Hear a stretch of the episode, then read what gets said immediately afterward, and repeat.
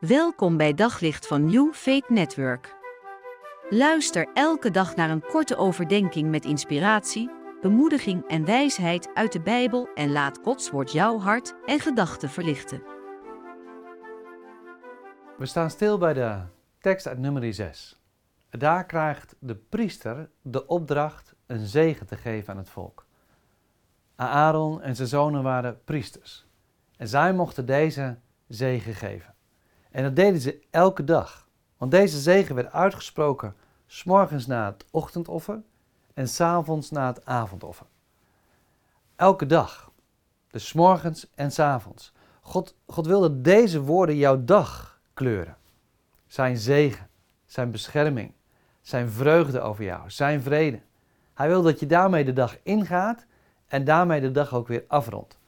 Dat de dag niet afhangt van wat jij gaat doen of hebt gedaan, maar dat, dat die dag afhangt van zijn aanwezigheid, zijn woorden.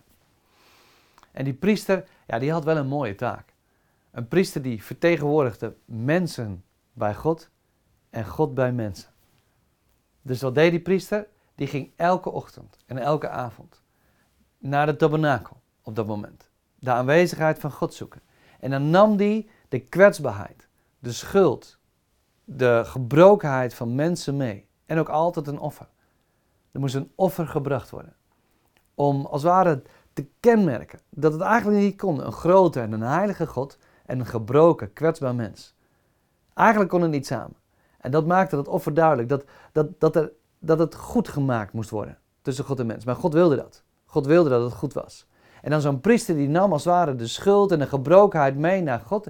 En die ging dan het heiligdom binnen. Nadat hij het offer had gebracht. En dan was hij in de aanwezigheid van God. En dan kwam hij naar buiten. Dan had hij gesproken over het volk met God. Dan had hij gebeden voor het volk. En had hij God aanbeden. En dan moest hij terug namens God, naar het volk. Dan stond het volk te wachten en dan mocht hij woorden namens God spreken. En dan hief hij zijn handen op naar het volk. En wat moest hij dan zeggen?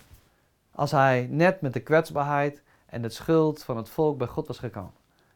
Ja, niet dat God teleurgesteld was. Dat het niet meer hoefde. Dat het nu een keertje klaar was. Maar dan, dan hief hij zijn handen op en hij zegt namens God, mag ik je zeggen.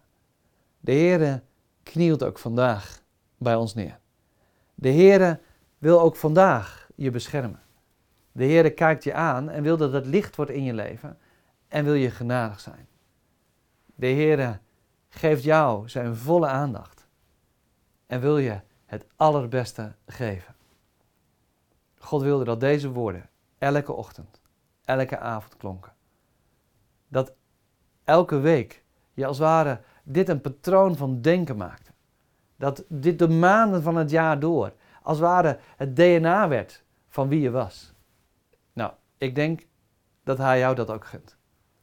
Dat je niet te veel naar dat wat jij doet en kan en mag kijkt. Maar dat je leert kijken, ochtends, avonds. Gewoon elke keer maar weer. Wie de Heer voor jou wil zijn. En hoe dat jouw leven geeft. Want dat wil God. Hij wil je leven geven in al zijn volheid. De Heer zegene jou. Op zoek naar nog meer geloof, hoop en liefde. Op New Faith Network vind je honderden christelijke films, series en programma's. Nog geen lid? Probeer het 14 dagen gratis op newfaithnetwork.nl.